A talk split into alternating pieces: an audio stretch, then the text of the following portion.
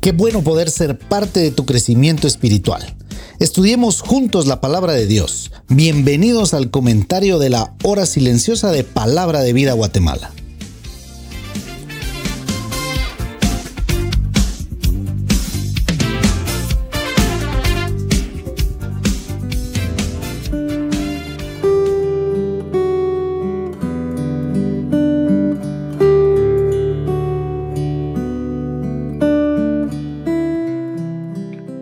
Días, qué privilegio nuevamente encontrarme con ustedes y estudiar juntos la palabra de Dios. Mi nombre es Edward Escobar, misionero de Palabra de Vida acá en Guatemala. El pasaje para la hora silenciosa de hoy lo encontramos en Lucas capítulo 14 versículos del 15 al 24 y la palabra de Dios dice así. Oyendo esto, uno de los que estaban sentados con él a la mesa le dijo, Bienaventurado el que coma pan en el reino de Dios. Entonces Jesús le dijo, un hombre hizo una gran cena y convidó a muchos. Y a la hora de la cena envió a sus siervos a decirle a los convidados, venid, que ya todo está preparado. Y todos a una comenzaron a excusarse. El primero dijo, he comprado una hacienda y necesito ir a verla. Te ruego que me excuses. Otro dijo, he comprado cinco yuntas de bueyes y voy a probarlos. Te ruego que me excuses. Y otro dijo, acabo de casarme y por tanto no puedo ir. Vuelto el siervo, hizo saber estas cosas a su señor. Entonces, enojado el padre de familia, dijo a su siervo, Ve pronto por las plazas y las calles de la ciudad y trae acá a los pobres, los mancos, los cojos y los ciegos. Y dijo el siervo, Señor, se ha hecho como mandaste y aún hay lugar. Dijo el Señor al siervo, ve por el camino y por los vallados y fuérzalos a entrar, para que se llene mi casa, porque os digo que ninguno de aquellos hombres que fueron convidados gustará mi cena. Una de las primeras frases para resaltar en este pasaje sería, Bienaventurado el que come pan en el reino de Dios. Este hombre quizás quiso hablar de la bondad y la bendición del gran banquete con el Mesías, del que se habla muchas veces en el Antiguo Testamento y es conocido en el Nuevo Testamento como la cena de las bodas del Cordero. Según Apocalipsis 19:9 dice, bienaventurados los que son llamados a la cena de las bodas del Cordero. En los versículos 16 al 20 Jesús contó una parábola acerca de un hombre que hizo una gran fiesta, un gran banquete, invitó a muchos a venir. Normalmente este era el tipo de ocasión en que la gente estaría encantada de asistir y muy feliz de haber sido invitada. En esta época, la fecha del banquete se anunciaba mucho antes, pero la hora exacta se anunciaba el día del evento. Esto significa que muchos aceptaron la invitación cuando se les dio por primera vez. Sin embargo, cuando llegó el momento del banquete, tenían una opción diferente. Aceptar la invitación y luego rechazarla cuando llegaba el día del evento significaba un insulto muy grave al padre de familia.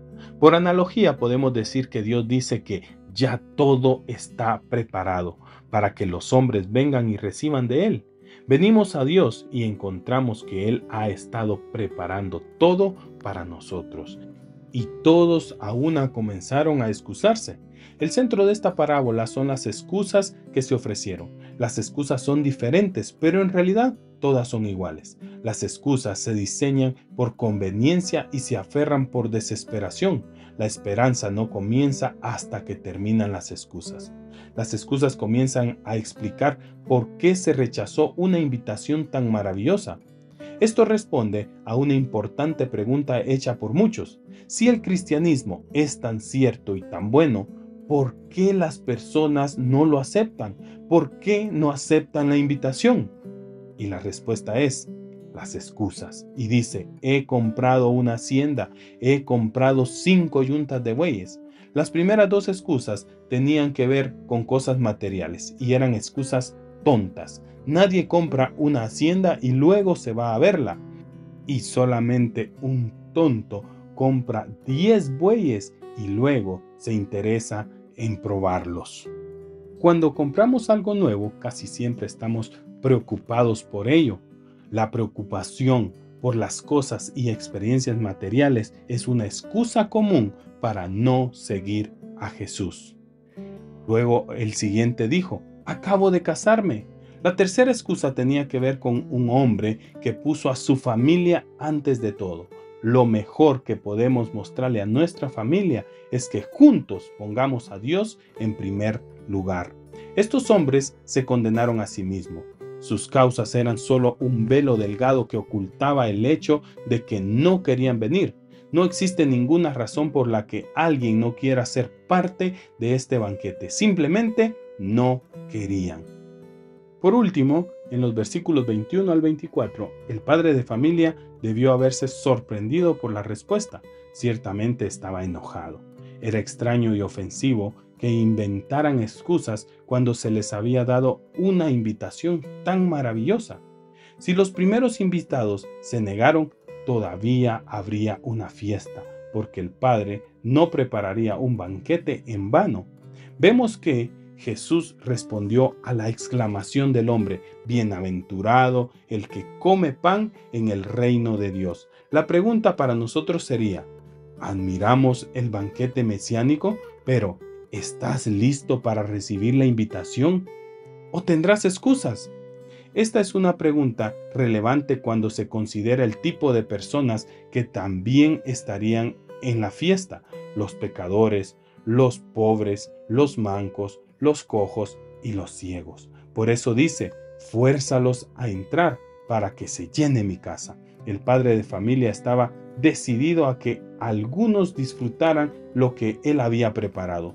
Si los invitados dieron excusas, el padre ordenó a sus siervos que usaran toda la persuasión, fuérzalos a entrar para llenar su casa. Jesús dijo, fuérzalos para indicar el gran deseo de Dios de llenar su casa y porque estos vagabundos y marginados necesitaban ser convencidos de que eran bienvenidos. Por eso, vívelo. Si queremos salvar a muchos pecadores, debemos salir de nuestra comodidad y ir a los lugares a predicar. Debemos predicar en las calles, en los mercados, en los campos del pueblo. Cuando dice fuérzalos, refleja en primer lugar el deseo urgente del padre de familia de tener una casa totalmente llena. En segundo lugar, la sensación de que se necesita presión para superar las incredulidades de la gente del campo en cuanto a que la invitación a ellos sea en serio. La referencia es a los gentiles que pronto serían invitados a entrar al reino de Dios mediante la fe en Jesucristo. Comparte tu fe.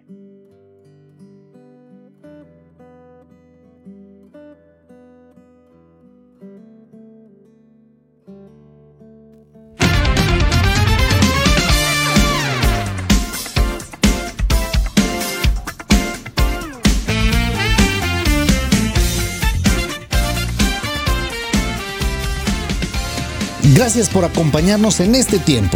Te animamos a que continúes en contacto con la palabra de Dios. Que Dios te bendiga.